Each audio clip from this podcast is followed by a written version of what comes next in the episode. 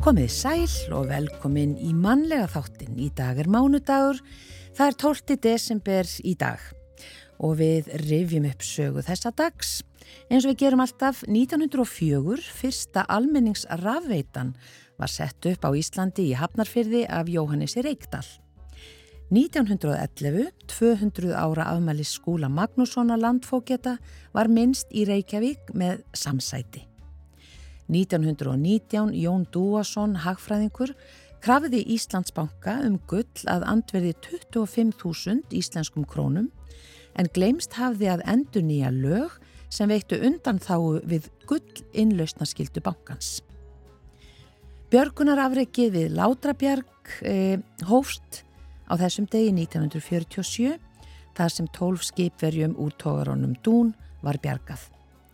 Seks manns fórust í snjóflóði, er snjóflóð fjallabæinn Góðdal í Strandasíslu á þessum degi 1948. Fjórum dögum síðar bjargaðist húsbondin úr flóðinu. Hótel Ísland var tekið í nótkunn með 90 ára afmælis veistlu Blaðamannafélagsins 1987 á þessum degi. Og 1990 Gísli Sigursson læknir sem hafi verið gísl í Kuwait í fjóra mánuði kom aftur heim. Og yfir í efni þáttanins í dag við ætlum að kíkja í heimsókn í Fridrikskapellu í Hlýðarenda. Þar fara fram tónleikar í kvöld hjá Valskórnum og næsta miðvíku dag saminast kóratnir Valskórin Fóstbræður og Karlakór KFUM á árlegum aðvendu tónleikum. En já, allir eru þeir hluti af afleið sér að Friðriks, Friðrikssonar. En það er óvenjulegt að Íþróttafélag sé einning með kór á sínum snærum og lengi vel var nú ekki vitað um aðra slíka kóra í Evrópu en núna nýlega hefur komið ljós að í Portugal er einn. Þannig að þá eru þeir tveir nema fleiri finnist við nánari leitt. Og við fáum vingil frá Guðjoni Helga Ólafsinni í dag eins og alltaf á mánudögum Guðjón hefur, hefur kallað sér skúfu, skáld og þjóðfræði áhuga mann úr flóanum og í þetta sinn ætlar hann að leggja vingilinn upp að tunglferðum og kaldastriðinu. Og lesandi vikunar í þetta sinn er Katrin Jakobsdóttir, fórsættisráþara og glæpasagnahöfundur. Hún reynir að nýta þau tækifæri sem gefast til að lesa bækur og við ætlum að forvitnast í dag um hvaða bækur hún hefur verið að lesa, undanfarið og hvaða bækur og höfundar hafa haft mest áhrif á hana í gegnum tíðina. En við byrjum á Dittu, Björgvinni Haldósinni og Hljómkortnum og hér er sungið nú minni svo ótalmarst á jólinn.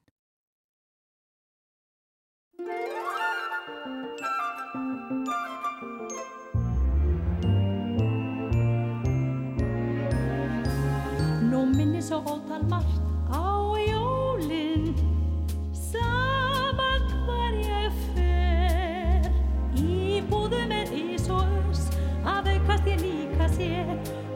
ýmsum stöðum falleg jólatré.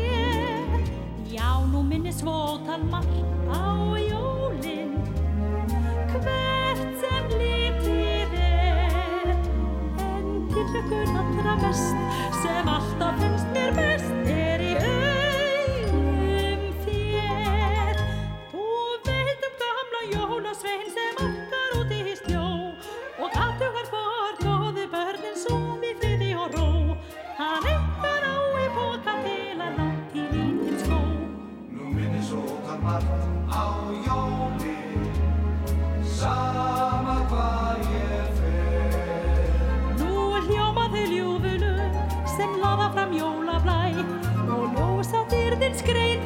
sérkar bæ Nú minni sóta margt á jóli hvert sem vitið er. En jólinn þá allra best ég alltaf trái best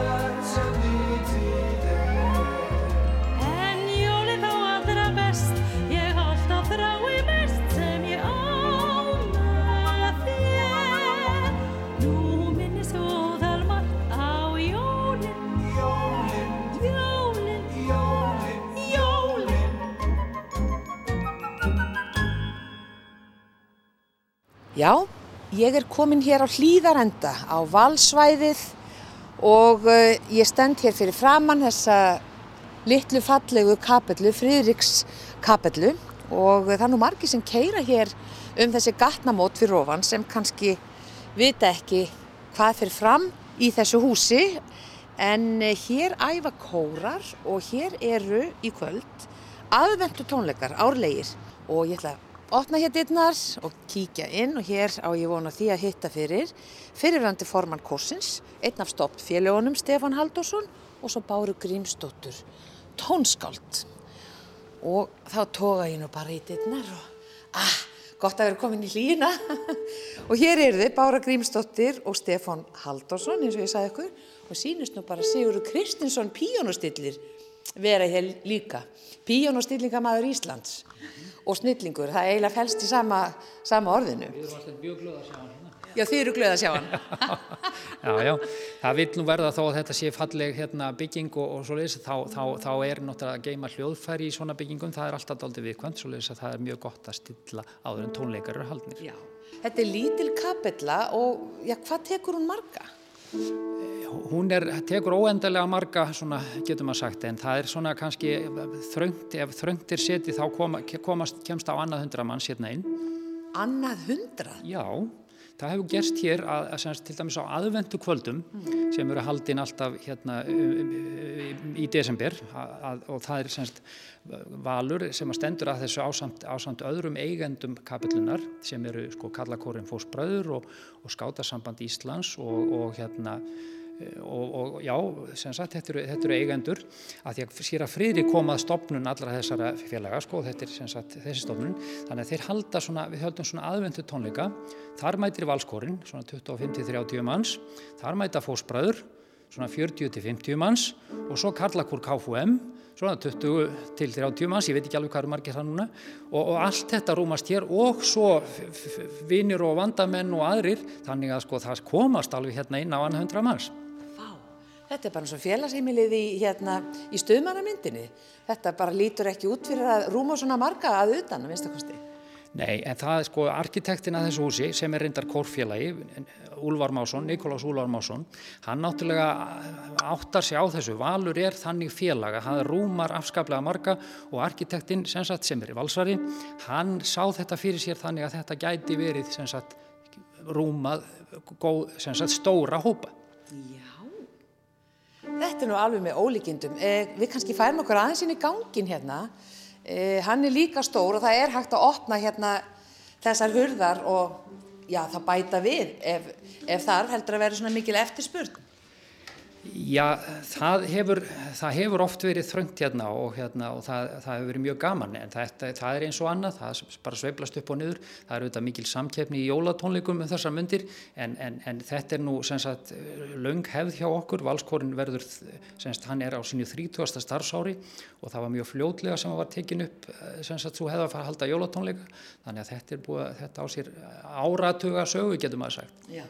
E, Bára Grímsdóttir Tónskald, þú hefur nú stjórnað valskórnum e, í bara töluverðan tíma. Já, síðan 2004 og þá ringdi þáverandi formaður þurriður í mig og, og sagðist vera formaður valskórsins og ég segi já, syngiði bara valsa.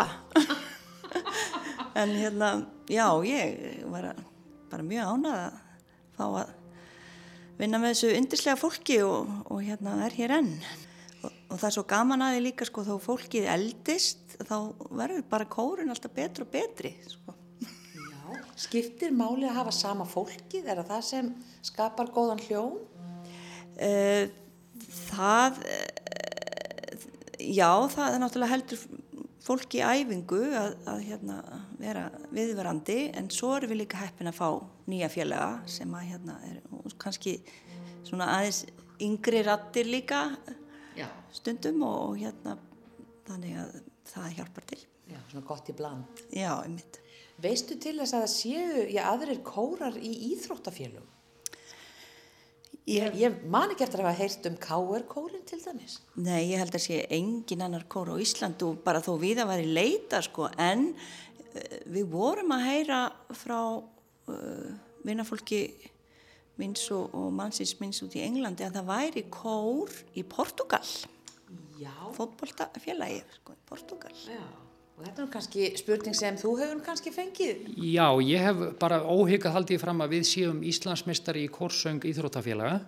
Það er að segja sko, er tilbúin að mæta hverjum sem vill til að keppa við okkur að, að því tilskilda að það sé kóra á vegum Íþróttafélags. Það hefur enginn tekið þessar áskorunni. Við skulum sjá hvað gerist núna. Já. En af hverju dætt ykkur í huga að stopna kór? Já, sko, kapellan þegar hún var vígð hérna í mæ, 25. mæ 2000 og, og, og hérna 1993 fyrir ekki þið, það var á semst 125 ára fæðingardegi sér að Friðriks, Friðrikssonar og þá var semst að vikslu atom hérna og síðan var, var ég þá starfandi í nefnd svona félagsmála ráði val sem var að reyna svona örfa alls konar félagsstarf, ekki bara boltana, boltaíþrótunar og Dýri Guðmundsson, hann, við vorum þeir saman hann, hann þekktur knaspundum öður, hann sagði þarf ekki að vera kór að það er komin kirkja. Og við bara sögðum já, það þarf að vera kór. Svo lesa við, hérna hóðum í Gilva Gunnarsson sem að við vissum að hafði, hafði reynsla á kórstjórn og hann félst á það að stopna með okkur þennan valskór og, og, og, og, og það varð úr. Kórin stopnaður semst í haustið 93 og er núna á sínu 30. starfsári, verður 30 ára í september og næsta ári. Þannig ef að bára, ef að þið hefðu ekki uh, sko, fengið upplýsingar um þennan kór í Portugal, þá hefðu þið kannski bara haldið þið verið einir og ein, ein í heiminum. Já, Evrópumeistrar og jafnvel meira. Það er náttúrulega mikil meistara hefð hérna á, á, á, hjá val og, og þess vegna finnst okkur gaman að státa okkur af þessu en, en, en það er svona bara í góðu gamni gert sko. Aðalatrið er að þetta hefur verið afskaplega ánægilegt fyrir bæði okkur sem hefur starfað í kórnum en líka fyrir val því að við syngjum við hátileg tækifari á stóramælum og, og við syngjum alltaf þegar íþróttamæður ásins er valin hjá val og svona. Þannig að það er, semst við blöndumst inn í félagstarf með þeim hætti en við syngjum ekki á leikjum við höfum ekki gert það, við syng, sungum við vikslu vallarins og svona sko. Þannig að við erum svona spari hérna listamenn vals þegar, þegar það á við. En uh, er á öðrum svona íþróttaleikvöngum uh, hérna kapella eða kirkja? Nei, mér er ekki kunnugt um það. Það, það var nú, var nú sagt, eh, þetta er náttúrulega mjög sérstök staða sagt, að það er að stopnandi vals er náttúrulega sér að Freyrík, stopnandi KFUM og, og, og, og skátarhefingarinnar og svo framvegis. Þannig að það er mjög sérstakt og auðvitað hefur hans sagt boðskapur látið kappið aldrei byrja fegurðan og ofurliði og annað það sem hann lagði val til, valur hefur alltaf haft þetta í hávegum og þannig að kapallin er bara reist til þess að heidra minningu hans og við gerum það í raun og veru alltaf í okkar starfi líka. Að, Kom hann eitthvað að fóstbræðurum líka? Já, sko, fósbræður eru sem sagt, eru, eru hétu upphæðlega Karlakúr KFUM og hann náttúrulega stopnaði KFUM og, og, og, á Íslandi þannig að Karlakúrin fósbræður varð til þar, hann hétt bara fyrst Karlakúr KFUM, svo skipta hann á nafn og hétt fósbræður og þá stopnaði setna KFUM annan Karlakór sem heiti Karlakór KFUM þannig að það er semst sá upprönnlegi og sá nýri og við semst höfum verið að syngja með þeim hérna á þessum aðvöldukvöldum. Þetta er svona arleið Friðriks, bara alveg... Já og síðan var hann ekki, ekki bara þessu, heldur var hann náttúrulega sálmaskáld líka og við hefum verið að syngja sálma eftir hann til dæmis þegar við syngjum eh, á hverju ári syngjum við eina messu í Hátegskirkju sem er hverfiskirkjan hérna og þá er alltaf eitthvað eftir sér að Friðrik á, á, á sálmaskráni. Bara þegar þú ferð til útlanda og fólk er að spyrja þig um já, hvaða kór þú sért að stjórna og þú segir það verður fólk hissa. Já, ég, ég hef voruð verið það. Þetta er, þetta er náttúrulega svolítið skemmtilegt, sérstakt og svo segi ég alltaf, þú eru rosalega góð. Já. já, já. Ekki allt bara Nei, Nei. bara. fótbolta fólk. Nei. Hvað verður á söngskráni? Já, á uh, tónleikum Valskórsins í kvöld klukkan 6 þá verður mjög svona, já þetta er svona bland í póka það verða þekkt jólalög eins og á nýfættur Jésu og, og uh, nóttu var svo ágætein. En svo erum við líka með uh, svolítið sérstök lög eins og uh, úr enskri þjóðlega hefð Mortals Awake til dæmis. Það er, það er lag sem að maðurinn minn Chris hefur lært úr fórum fjölskyldu sinnar því að þetta var fjölskyldu hefð hjá frendfólki hans að, að fara alltaf á aðfangandaskvöld í þorpunu og syngja ganga hús úr húsi og vera búið inn í bjóri eða eitthvað sko. Það var gaman sko. Og uh, svo erum við með svona jazzstandard, Have Yourself a Merry Little Christmas, sem ég útsetti fyrir kórin. Og Það er nóg af lögum, já, heyri ég. dansaði vindur, það er nú svo indislegt. Og svo erum við með sko jólasirpu. Já, þetta er sem sagt dagskráin sem verður flutt í kvöld á ykkar Já. tónleikum klukkan 6. Já. En svo eru þessir uh, þrýr kórar saminæðir á miðvíkudagskvöldi. Já, það passar sko. Eru, já, eru æfingar hér á hverjum degi eða einhvers konar starfsemi í kapillunni? Ég get nú ekki alveg fullt að segja á hverjum degi en það eru sem sagt, það, það, það, fyrir utan okkur þá er annar kór hérna sem æfir hér og síðan eru hér ímiskonar viðburðir. Eh, Það eru svona smarri sem sagt trúfélög sem hafa fengið hér inni og halda hér eh, sínar aðtapnir og svo er þetta vinsælt fyrir hérna brúð, hjó- hjónavíkslur og skýrnir og svo leiðis og, og þetta vita valsarar vel af því en það eru líka margir aðri sem hafa notað sér þetta þannig að það, það, er, það er oftast ykkur reyfing hérna en, en, en, og, og, og, og, húsið eh, bara er afskaplega hendut fyrir margskunar starfsemi. Þannig bara gott að það sé bara enn í hérna fullir starfsemi eins og þú segir. Já, já, það er alveg fullri starfsemi, það, en, en það er, hún er ekki, þetta er ekki eins og skóli þar sem er mætt klukkan átt á mótnana, heldur er svona raðað inn í þetta eftir því, bara, eftir því sem óskýri berast, en, en þó sem sagt kórar sem eru með fastara æfingar og, og trúfélög sem eru með fasta viðburði og svona, þannig að það hérna, Nú stendur þetta á stað þar sem mjög þrengir að eins og bara reykvikingar vita. Hefur ég einhvern tíman komið upp svo hugmyndum að færa kapilluna? Nei, nei, henni var náttúrulega valinn staður hérna á landi sem Valur á og Valur á þessa jörð, hlýðarenda og keifti hana sem sagt eh, fyrir hérna setni heimstyrlutina og, og þannig að Valur er ekkert að fara hérðan. Þannig að það stendur ekki til að flytja hana en, en, en, en reykvingar verða bara að leysa sín plássvandamál annar staðar. Takk kærlega fyrir spjalli hérna Bára Grímsdóttir og Stefán Halldórsson og ég ætla að enda þetta á því að bara kasta kveði á píjónóstillin sem við erum búin að heyra í allan tíman í þessu viðtali sem er hann Sigurður Kristinsson, oftast kallaði Ditti og er einn eh, svona aðal píjónóstilli landsins. Þannig ég segi bara takk fyrir spjallið. Takk sem leir. Þá förum við inn hér, skulum sjá, þarna er hann Sigurður. Langaði bara svona áður inn í yfirgef kapituna Sigurður, þú fórst að segja mér áðan að, að hérna, þú væri nú ekki alveg ótengdur þessari kapitul. Nei, aldrei ekki. Fyrsta leið söngin og sjálfur með kallakórnum fólksbræðurum í 30 ár, þannig að ég kom hérna ofta á aðventu og söng með kórnum.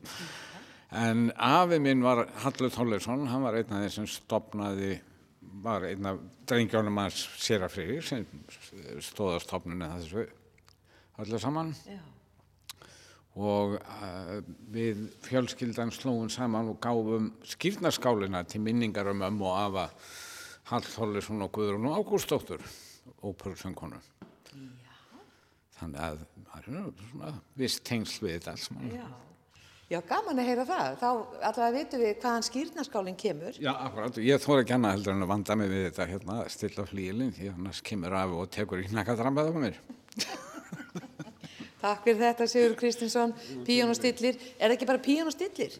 Heitir það það ekki? Jú, jú, ja, hljófara smiður Hljófara smiður, já, píjónustillir, einmitt. Eitthvað. Já. Nóg að gera hjá þér á þessum ástíma? eins og vennilega bara alltaf eitthvað alltaf jólatónleikar Já. það vantar ekki nú að þeim já. Takk fyrir spjallið. sömuleiðis, ánægilegt að sjá þig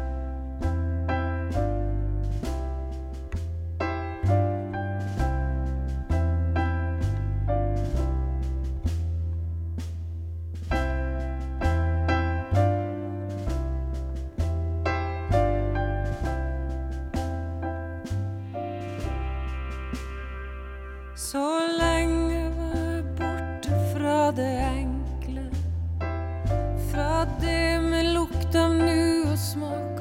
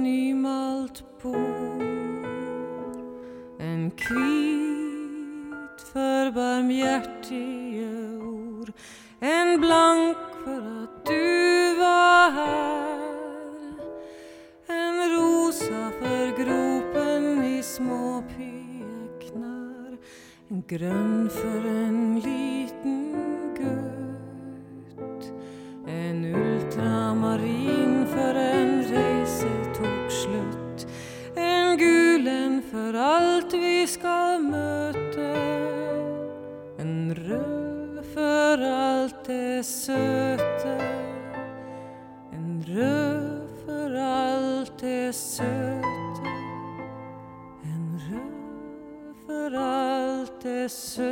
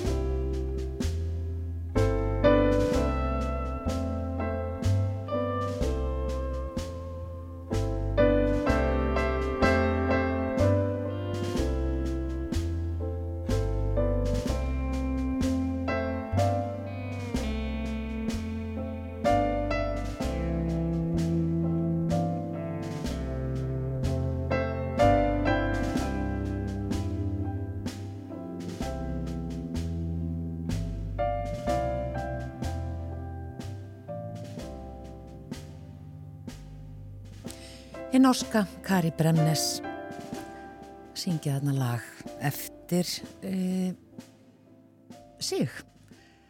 En rödd fór aldið sötem, heitir þetta lag. Og það er komið að vingli frá Guðjóni Helga Ólafsinni, skúfuskáldi og þjóðfræði áhuga manni úr flóanum hann er með.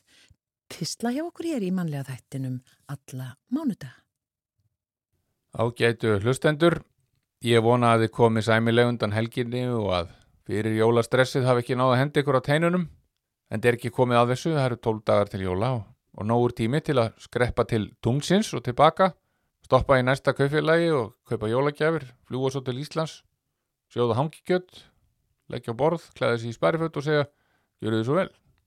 Jafnveg þá í dag séu 405.869 kílómetrar til tungsins og samkvæmt mínum heimildum hefur ekki verið lengra á milli jarðar og tungls nema fjórum sinnum á líðandi ári. Það er auðvitað hundlánt þannig en við myndum nú fara á einhverju hraðskreðar að tækja en lata sport. með fullir virðingu fyrir þeim, ég veit ekki okkur mér dætt svo tegund fyrst í hug en það getur svo sem verið hvaða bíl sem er þar sem að leifilegur hámasræði fyrir til tegundum Mér skilst að meðalhraði Apollo 11 hafi verið rúmlega 113 faldur leifilegur hámarshraði á Íslandi. Ég er auðvitað að bera saman verulega ólík farartæki. Stundum er talað um að ekki sé nú sangjant að bera saman epli og appelsínu þó að mér þykir það minnlaust. En í þessu tilfelli er miklu frekar um piparkorn og kókosnetu að ræða þar sem Apollo 11 var tæp 44 tonna þyngd og 110 metrar á hæð við upp að ferðar. En Lada Sportin sem að ég átti hvað lengst í gamla daga var bara 1,2 tonna þyngd og tæpir fjórir metrar á lengd. Nú hefði verið upplætt að koma með eitthvað samanburð á eldsneitisnótkunnin, það nú valla sangjanta sem að Apollo notaði vettni, fljótandi súrefni og steinolíu, allt eftir því á hvaða stíi ferðalagi var. Lada notaði bara bensín, þannig að ég er ekki vissum að lítrar á hundraðið mæli kvarðin sem notaður og svo mikið hefur nú heimurum breyst síðan ég fekk bílprófa. Líkurnar á því að sjá tunglið þar sem ég er stattur eru töluvert meiri en að sjá lötu sport. Hvort sem að möguleikin á skíahölu er tekin með í reikningin eða ekki sem er í sjálfu sér merkilegt í að þessir sovjesku jeppalingar voru víða til og margir hérna í dreifbílinu þóldu vel að hossast á þjóðvegunum eins og þeir voru árið 1988 og eru því miður enn allt og víða. Sportararnir voru einfaldir til dörlega ódýrir og með góða fjöðrun. og kannski einhver ókosti líka en voru ekki verð en það að rúsneskir sjómenn sem að hafðu hér viðdöl rétt fyrir síðustu aldamót keiftu stærstan hluta af þeim latabílum sem til voru á Íslandi og letu hýfa um borði í skip sín. Á heimstíminu dunduðu þeir við að rífa þá niður í varahluti og letu svo restina dett í sjóin svo þau sumur en aðrir vilja meina að þeir hafi nú alls ekki tímt í heldur komið með heimi með hverja einustu skrúðu og selt. Það er allir að reyna að bjarga sér bæðið þá og nú. Við keftum ólíu, byggingavörur, bifræðar, landbúnaðarvilar og matvæli af sovjetmönum í gamla daga og seldum þeim í staðin frosin fisk og niðursóðin fisk, salt, síld, ullarfatnað og málningu. Já, alveg lifandis ósköp af málningu. Sem dæmið um það seldi málningarvesmiðan Harpa fjögur þúsund tunnur af hvítu lakki til Sovjetríkjana árið 1979 og var þá helmingur af ársframlegslu fyrirtækisins. Ég man ekki betur en að stór hluti af þeim sovjasku bifræðum sem að hér voru hafi verið málaðar kvítar og þá kannski með íslensku lakki sem mögulega var búið til með sovjaskri ólju, það fyrir allt í ringi að vel er gáð. Nú er ég bæði búin að nefna Sovjetríkin og Rústlandi sögunar en í barnaskóla landafræðinni var talað um að fleiri lönd tilherðu þessu mikla sambandsríki sósialískra sovjet líðvelda eins og Sovjetríkin héttu vist svona tæknilega séð Ég gerði heiðarlega tilröðin á sínum tíma til að læra eftirfarandi lista utan að, en man ekki hvort að það tókst nokkuð tíma, sennileg ekki. Interneti skar mig úr snörni og í ljós kom að Sovjetiríkin voru eftirfarandi, Armenia, Azerbaijan, Ísland, Georgia, Kvíta, Rúsland, Kazakstan, Kyrgyzia, Lettland, Litáen, Moldova, Rúsland, Tatsikistan, Turkmenia, Úkraina og Úsbekistan.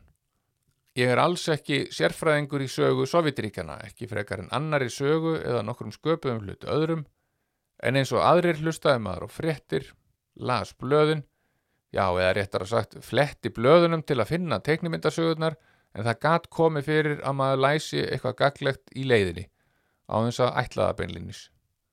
Í mínu minni var þetta margum talað að kalda stríð ekki áþreifanlegt, en það var samt allt umlíkjandi og þó ég hefði gladur vilja komast í gegnum lífið á þess að leiða nokkuð tíman hugan að því er ég ekki vissum að það hefði geta gengið upp því að teknin voru víða. Sem dæmi kom það fyrir á okkar einu sjómasrás að það væri sínt frælslu myndböndum skinsamleg viðbröð við kjarnorkusprengingu og, og viðvöruna lúðrar almannavarna voru kerfisbundi prófaður, svo fátt eitt sér nefnd. Hættan var raunveruleg og við hérna á litla Íslandi vorum stöðugt mynd á hana. Í annað eira okkar var básuna, jú, hér er varnalið. Ísland er nefnilega hernaðlega mikilvægur staður sjáðu til mitt á milli Evrópu og bandarækjana. Ha, og hvað ef rússarnir vilja nú bara yfirtaka allan heiminn og, og ráðast á bandarækinu, væri þá ekki upplatt fyrir þá að leggja landi undir sig og nota það sem skotpall fyrir kjarnarku eldflögar. Á meðan hitt er að fekk fyrirlestur um að bandarækinu væri siðspilt gróðrastíja fyrir kapitalismann og að í Sovjetríkjónum væru allir jafnir og hefðu sömu tækifæri til mentunar og matar.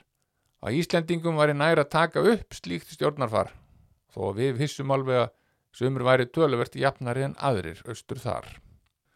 Og járntjaldið gleymum því ekki. Ég vissi að til var Berlínarmúr og hefði síðan myndir af honum í sjónvarpinu. Rísa stórum vegg með gaddamýr ofan á og að yfir hann kæmist eiginlega engin vegna þess að fjöldi varðmanna gætti þess að mannskapurinn slipp ekki út í vestrið. Þeir sem reyndu að flýja voru skotnir. Þannig að þetta kalda stríð sem átti bara að vera átökum hugmyndafræði var alvöru stríð með byssum og dauða og öllu. Ég gæti ekki betur séð. Og þess vegna gæti jártjaldi sem að manni var sagt að skipti heiminum í vestrið og austrið alveg verið til í alvörunni. Ég man ekki hvað ég var gammal þegar að rann upp fyrir mér að járntjaldi væri ekki einhver risastór blikkplata sem neld hafi verið á girðingastöra um alla Evrópu til að fólk væri ekki að menga hugmyndafræði hvers annars. Ég skildi alveg girðingar, en það búin að taka þátt í því að negla gattavýr á störa frá bartsaldri. Hans bara skríti reyndar að þeir sem byggu sikkorum megin girðingar get ekki tekið í nefið hvort hjá öðrum og verið skemmtilegir eins og hér. Girðingar væru bara fyrir búpening en ekki bændur, verð það ekki? Og 15 árum setna hrundi játjaldið. Það bara lagðist á hliðina, kengbeiglað, eftir að hafa verið stangað af hrútum og graðnautum báðum meginn frá í hálfa öld. Gott að vera laus við þetta bull, hugsaði maður að kvöldi dags þann 9. november árið 1989, þegar greint var frá í fréttum að frá með minnætti að staðartíma væri fólki í Berlín frjáls för á milli borgarhluta. Að nú mættu íbúar Östurberlínar bara mæta í næsta landamæra hlið og labba yfir eða klifri yfir veggin eða langaði það skipti bara engu máli því að verðirnir varu hættir að skjóta fólk fyrir svoleiðis nokk. Og fólki gerði gott betur en að lappa yfir í frelsið, það braut veggin í smátt og seldi brotin næsta fjármakseganda sem á vegið þeirra varð. Slík var kaltæðni örlagana. Kaldastriðið er samt ennþá hluti af okkur, þessum krökkum sem ólumst upp með þrúandi hættuna eins og kolsvört kolgu skífi sjóndeldarring. Við getum flest teiknað kjarnarkusprengingarsvepp eftir minni og sumir muna kannski ennþá eitthvað af hollráðunum úr símaskrafni. Við munum ennþá eftir kvikmyndum frá Hiroshima og Nagasaki eftir eðileggingunni. Slasaða fólkinu, fölluðu börnunum sem fættust á meðan áhrif geislunarinnar voru komest og við setjum upp dimman og kaldan svip þegar þeir sem ekki muna kaldastriðið eru, eða eru kannski búinir að gleyma því talaðum að kannski sendi Pútín bara kjarnokkusbrengju til Kiev eða eitthvað annað bara eins og menn skutu logandi síkaretustupum á gangstéttar í gamla daga. Við erum vist með alveg kolsvartan húmor þessar kynnslóðir sem livðu kaldastriðið.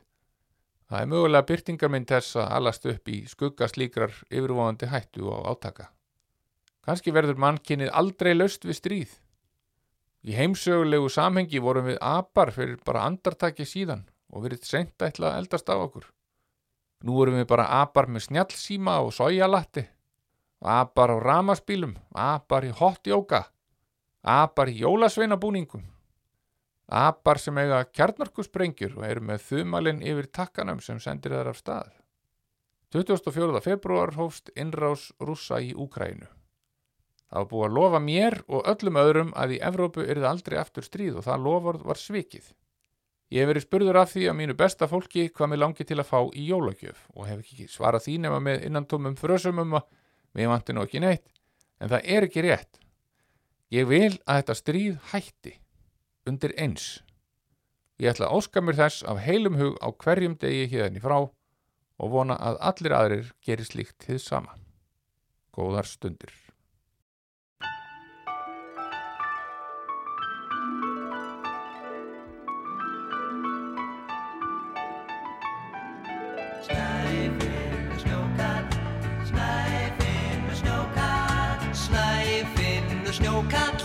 Var með snjáðan pípuhatt. Gekk í gömlum skóm og með grófum róm gat hann talað rétt og hratt. Snjókall, snæfinn snjókall, snæfinn snjókall var að snuðut ævintýr. Segja margir menn en við munum en hver hann mildur var og hlýr. En galdrar voru geimdir í gömlu skónum hans Er hann fjerkan þá á fætur sér, fór hann óðar í dans. Já, snæfinn snúkall, hann var snar að lifna við. Og í leik sér bráæði léttur þá til að leiki sólstími. Snæfinn snúkall, sneri kolli í minns til. Og hann salðum leið nú sólinn.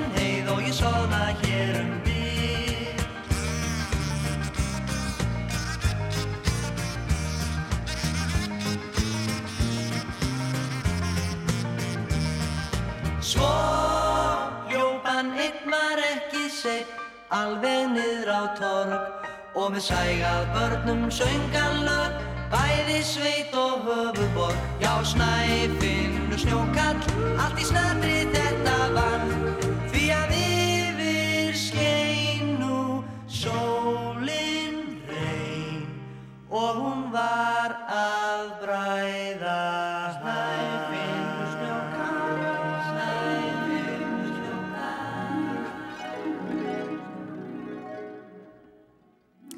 Snæfinnur Snjókall og þarna fremstur í flokki Björgvin Haldásson. En það er komið að lesanda vikunar og að þessu sinni sendum við boltan nýri bæ til Gunnars. Já, takk fyrir það Guðrún. Við er, eða, ég er komin hinga niður í stjórnaráð í miðbæ eh, Reykjavíkuborgar og hér situr á móti mér lesandi vikunar Katrín Jakobsdóttir Fossetisráð. Takk hjálpa fyrir að taka þetta þér. Já, bara mín er ánægjan. Eh, Þú ert auðvitað ekki bara fórstisráð þeirra núna, heldur rítöfundur í, í hérna jólabókaflóðinu. Hvernig líðuðu með það? Bara vel, sko. Ég viðkynna að það er nú ekki mikil tími til þess að fara um og lesa upp. Ég hef svona tekið stöku, ég hef svona tekið að mér stöku upplestara hjá örfáum aðlum en að öðru leiti fer þetta nú eiginlega bara fram hjá mér, þessi útgáfa. Þetta er nú svona, þetta er fyrsta skipti sem þú skrifar glæpasögur, það ekki, en þetta er aldeilis ekki fyrsta skipti sem þú skoðar náið glæpasögur. Nei, nei, og ég hef einu svona gefið út bók sem var sérstætt bíarítgerinn mín sem var um sögu íslenskara glæpasærna. Svo skrifaði ég meistararítgerð um þar sem ég fór svona meira á dýftina ég, og ég hef lesið flestar íslenska glæpasögur held ég nú. Ég hef reynd að fylgjast með þótt að ég sé, hef ekki verið í fræðaheiminum lengi þá hef ég reynd að fylgjast með. Og getur þú gefið tíma í dag almennilega til þess að lesa bækur? Já, það er þannig ég les bæði, sko ég les náttúrulega alltaf á ferðalögum. Það er náttúrulega besti tíminn til að lesa. Það er þegar maður er á einhverju ferðalagi og jafnvel veðuteftur einhver staðar að býða eftir flugvel eða hvað það er. Og svo les ég alltaf fyrir svefnin og helst, hérna, og helst vil ég lesa skáldskap. Stundum les ég einhver fræði líka, en þetta er bara það sem ég geri.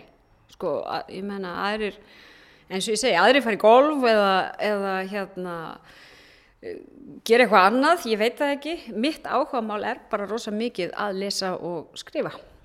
Og er þá að þú segir skáldsögur svona mestuleiti, er það þá líka að stóru leiti glæpasögur eða hvað? Nei, ekkert endilega. Ég menna, ég les þær en ég les voða margt og, og ég les ljóð og, og ég, bara, þú veist, er eiginlega reyna að fylgjast með því sem kemur út fyrir hver jól, reyna að fylgjast með þýðingum, reyni líka stundum að, að hérna, já, ég menna, maður vill bara svona, ég, ég lít svolítið á skáldskap bara sem mína þerapi.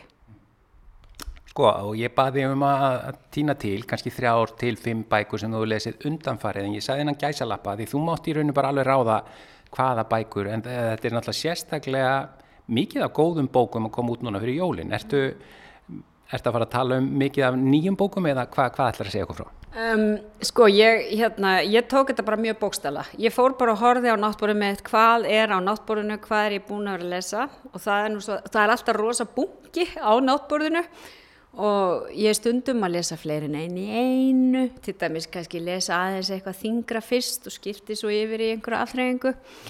Um, en ef ég byrja, ég er ekki búin að lesa mikið í jólabókaflóðinu, uh, ég er búin að lesa samt uh, til dæmis var ég að lesa skáldsögu Guðna Elíssonar, Brímhóla, sem fjallar um, já, sem hérna, sem sag nú svolítið í mér, fjallar um ástarsambönd og fjallar um samskipti hérna innfættra og innflytjenda og er sett svona í þetta samfélagslega samengi og það, ég einhvern veginn festist algjörlega í þessari sögu, las hana bara á einu, hérna, bara í einu lægi, í einum rikk eins og maður segir. Að ég hef ekki lesið þessa bók, í, í hvaða samfélagi gerst hún? Hún gerist í raun og veru fyrst og fremst í litlu sjáarþorpi þar sem útgerðamæðurinn uh, hérna, byggir sér húsnir í fjöru þar sem brímhólarnir eru og sagan er sögð út frá sjónarvarni sonar þessa útgerðamanns. Mm. Og samskiptum hans við uh, stúlku, uh, pólska stúlku og hérna, þetta einhvern veginn fannst mér svona varpa heilmiklu ljósi á í raun og veru bara það sem við erum alltaf að takast á við í samfélaginu núna sem eru þetta bara samskipti ólíkra hópa, valda munur milli ólíkra stjætta samfélagsins. Þannig að mér fannst hún svona snerta á bæði því sem einhvern veginn hefur verið mér ofalega í huga þar sem við erum auðvitað búum í samfélagi þar sem eru 16% innflytjendur uh, sem við sjáum bara reynd út að það er ekki endilega að njóta sömu tækifæra uh, í samfélaginu eru síður líklegir til að ljúka námi eða gegna stjórnunastöðum. Þannig að þetta er skáldskapur sem fjallar um samskipti þessara ólíku hópa og ást og, hérna, og líka samfélag þar sem fólk hefur mismikil völd og áhrif. Þannig að þetta, já, hún, var, hún tók á ýmsu. Já, og þetta speikla ímislegt í okkar samfélagi hér. En uh, hvaða bók kemur næst upp í hugan sem þú hefur verið að lesa undanferði? Svo náttúrulega er ég að lesa glæpasögur, ég er að lesa Issu og hérna nýjustu bók hennar, ég hef nú fylst með henni frá því hún byrjaði að skrifa batnabækur í gálanda sem voru mjög svona ærslakendar. Svo fór hún í glæpasögunar og skrifaði einmitt sögu sem gerðist í átnagarði þar sem ég læriði íslensku, þrýða táknið. Uh, Þannig að ég hef alltaf fylst með henni, stundum hef ég verið alveg miður mín, bara andvaka ef þetta hefur verið mjög hryllilegt. Núna er hún svona meira á þeim stað að hérna hún er ekki svona að hræða mann alveg mikið, þetta er meira svona ráðgáttu saga um vini sem fara til vestmanniða og þar er verið að, ég get náttúrulega ekki sagt of mikið, en þar er einhver ráðgáta úr fortíðinni Já. sem leynist. Já, þetta er náttúrulega alltaf einn hluti af svona glæpasögum, það er auðvitað mismunandi, en þegar, þegar það er verið að halda manni alveg í einhverju óvissu, alveg fram á síðustu stundu, þá kemur eitthvað svakalegt tvist. Ég meina, nú voru þið að skrifa e, bókina Reykjavík, Já. þú og Ragnar Jónasson, og ég, ég kom inn, ég búið með tvo þriðja, þannig að þú mátti ekkert segja neitt, sko, og enda við viljum ekkert skemma neitt fyrir e, hlustendum, en það er ég, nú er ég að býða eftir í hvar og hvort þið leikið á mig, sko, en, en uh, Yrsa í, í þessari bók uh, það, er, það er svona gott tvist í henni eða? Ég sko, þú mynd verða mjög hissað náttúrulega í okkar bóki svo ég noti nú tækifæri hér. En já, sko, það er hérna, ég allavega hérna, hafði gaman að bókinni. Bara svona skemmtileg og hérna, mest líka skemmtilegt bara þú veist, maður fær oft svona alls konar auka, ég meina, glæpasögur er ekki bara glæpasögur, þú ert líka að lesa um samfélag og í þessu tilviki einhvern meginn eru alls konar svona skemmtileg eh, tilbriði við svona sko við það sem við kallum svona algengstef í glæpasögum þau eru viðtöft í vestmannum skiljið. Það er svona klassíst að loka alla inni á sögursviði morsins og annað slíkt ég... Þetta hljómaði eins og hérna glæpa sig eftir Gunnar Helga, viðurtöft í Vestmanni Já, þetta reynda gæti alveg verið hugmynd fyrir hann svona næstu jól, viðurtöftur í Vestmanni Þannig að það er svona ég hef líka, þú veist, þú færð alls konar eða maður fær alls konar svona aukaefni alltaf í glæpasöfum, samfélagsmynd uh, og fyrir mig sem hefur svona áhuga á glæpasöfum þá er ég alltaf gaman að þegar höfundur er að nota einhver svona klassísk þemu eins og að loka alla inni eins og við þekkjum náttúrulega vel þegar allir eru lokaðir inni á óðalsetrinu og raflínunar eru í sundur og, og alla búið að snjóa inni. Þetta er svona klassíst þema, skemmtilegt. Já, sko, ég, ég, Ragnar sagði okkur, hann var lesandi vikuna fyrir einhverju síðan þá var hann að tala um Agutu Kristi er, er, einhver, er einhver svona glæpasagna höfundu sem að er svona þér efst í huga eða svona fyrirmynd kannski? Sko við Ragnar erum bæði miklir aðdándur Agutu Kristi, það er hún sem leiti okkur saman mm. í raun og veru En ég er nú daldi bara eins og fóreldri sem getur ekki gert upp á melli barna sinna því ég er aðdáðandi mjög margra íslenskra höfunda. Ég menna Arnaldur var auðvitað mitt viðfangsefni í, í hérna, meistararitgerni þannig að ég held upp á hann, held upp á Yrsu, held upp á Ragnar skiljur og svo gæti ég lengi talað. Ég hef verið með Stefáni Mána hérna á Glæpasækna hátíð og var mjög hrifin á honum, Lilja Sigurðar skiljur og svo gæti ég lengi haldið áfram.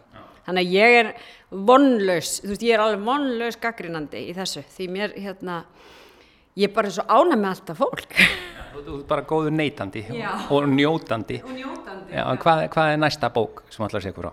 Heyrðu, uh, ég var að, hérna, ég er svona uh, ákvað að lesa nýja Nobelsvölinu að hafa, Annie Ernaux, hafði aldrei lesið neitt eftir hana, og hérna, mér var gefin bók eftir hana og ég á að kunna frönsku, samkvæmt öllum svona, Já, það stendur í, í hérna, sívínu minna, ég kunni frönsku. Hver er bakgrunnurinn í fransku? Ég lærði eitt ári í háskóla og svo lærði ég í mentaskóla frönsku og hef reynd að svona æfa mig í henni.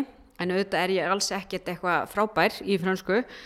En ég fekk hana sérst gefins á frönsku, svo ég sagði, já, ég er best að vita hvort að þetta gangi. Svo ég hérna, las bókinu, hún er stutt, Laplace, staðurinn, og hún er skrifuð, hérna, stílinn er mjög svona hnitmiðar og hann að, sko, ég komst í gegnum hana, ég er nú bara daldi ána með mig að hafa gert það. Og þetta er sterk, sterkur texti. Já. Þetta er sterkur texti um í raun og veru uh, fjölskyldu, þetta er fjölskyldusaga og hvernig í raun og veru ákvarðanir okkar í lífinu geta fært okkur fjær fjölskyldu okkar og þannig er þetta verið að fást við hluti í raun og veru sömu hluti einhverju leiti sem ég var að tala um í bókina skuðna þegar við, hvernig við færumst fjær að því við skiptum um hérna, stað í samfélaginu, færumst upp á við og það er verið að takast á við stjætskiptingu, það er verið að takast á við félagslega erfileika og uh, hvernig við hérna einhvern megin eigum við það þegar einhvern megin við finnum þessi bönd við okkar nánustu uh, hvernig þau rofna. Þannig að þetta var mjög sterkur texti fannst mér. Það er erfitt, ég minn langar að lesa hann á íslensku núna til þess að vita hvernig það einhvern meginn kemur út. Þegar, hérna, þegar maður er að berjast við að lesa eitthvað á máli sem maður er ekki alveg nógu góður í þá þetta hérna, verður upplifinin önnur en, en bókin samt er þannig að mér langar að lesa hana aftur. Áhugaverð svona glíma að takast á við sko, skáldsögu á tungumáli sem þú ert ekki alveg reybrennandi í en þú, þú, alveg, þú náður alveg að upplifa veist, stílinn og annað. Já, algjörlega og hérna sko ég er náttúrulega alveg uppið það að hérna ef maður vill kunna tungumál þá er aðalmáli bara einhvern veginn að henda sér í djúbulöginna og bara tala og lesa þó maður skilji ekki alveg allt. Það hefur alveg komið mér í boppa oft og tíðum erlendis þegar ég segi eitthvað sem í raunum verið merkir eitthvað allt annað. En, en maður kemst ekki áfram nema maður reyni þannig að hérna það, fannst og, og, og stílinn er þannig hjá henni að hann er svona opbáslega sem ég segi nýttmiðar, skorinorður þannig að og, bókin í sjálfu sér stutt er mjög svona sterk mynd sem dregst upp uh, sem mér fannst svona fyrst og fremst tala til mín um, um bara sko, þú veist þetta sem við erum alltaf að fást við, bara fjölskyldu böndin, hvað svo miklu þau skipt okkur. Samskipti og sambönd hérna, en þú, þú er allan að mert líka að, að hún átti skilið að fá Nobelin Já, já, já, já, ég þarf náttúrulega að lesa fleiri bækur eftir hana núna, ég þarf að hérna, kynna mér hana betur en hérna, en, en hérna, þetta var svona saga dímanni, þessi saga taland um að sitja í þér, nú förum við aftur í tíman, þú mátt fara bara eins langt aftur í tíman og þú vilt, mm. hvaða svona bækur og eða höfundar eru svona sem þú lesið einhver tíman á æfinni, það má fara bara eins langt aftur og þú vilt, sem að bara fylgja þér enn þann dag í dag, sem hafa svona sérstök áhrif á þig. Það eru nú daldið marga bækur svo sem, sko ég byrja alltaf á að nefna því ég spurði þessu góðadóttan Sveig, Já. Sem er nú bara eina mínum uppáhaldsbókum. Bara einn allra besta saga sem skrifið hefur verið um stríð. Og þessi stórkoslegi einfaldi maður sem ferðast um fyrir sko ferðast um lönd uh, í, fyrir heimstyrjöldinni og lendir í svo ótrúlum senum, óbúslega mikil húmor og líka svo óbúslega grimm lýsing á fáranleika stríðs. Þetta, þessa bók les ég aftur og aftur. Hvað varstu gömul þegar þú last hana fyrst? Ég hef virkulega verið svona unglingur, kannski 13-14 ára. Þetta var, hún var til heima og fóreldra mín er mæltu með þessu og ég bara eins og ég segi, hef lesið hana nokkru sinnum, hún svona talar alltaf til mín og ég dróð hana fram núna þegar hérna þetta hörmulega stríð hófst með einn rásrúsa í Ukræn og þú veist þetta einhvern meginn kennir manni svo yllilega hvernig líka sko í stríði þá einhvern veginn verður allt annað þá er einhvern veginn öllu öðru vikið til í þar þá erum við ekkert að velta fyrir okkur velferð og verðmæntasköpun og öllu þessu sem við erum að kljást við. Það, þetta er bara um líf og dauða. En samt er einhvern veginn mennskan alltaf sko það sem einhvern veginn reyfir við manni meiri segja í stríði. Og sveikir þetta svo gott dæmi um þessa mennsku alla veistu það, þetta er bara ágætis endapunktur á þetta hérna, það er, það er mennskan. Uh, Katrín Jakobsdóttir Fórstisráðara, þakka þér kærlega fyrir að vera lesandi vikunar í þetta sinn. Takk fyrir. Ég sendi boltan aftur upp í efstaleiti. Já, takk fyrir það og uh, við. Það er þá ekkert annað eftir að gera hér hjá okkur en hverja og við þökkum samfélgina, verðum hér aftur á morgun, þá er þriðu dagur verið í sæl.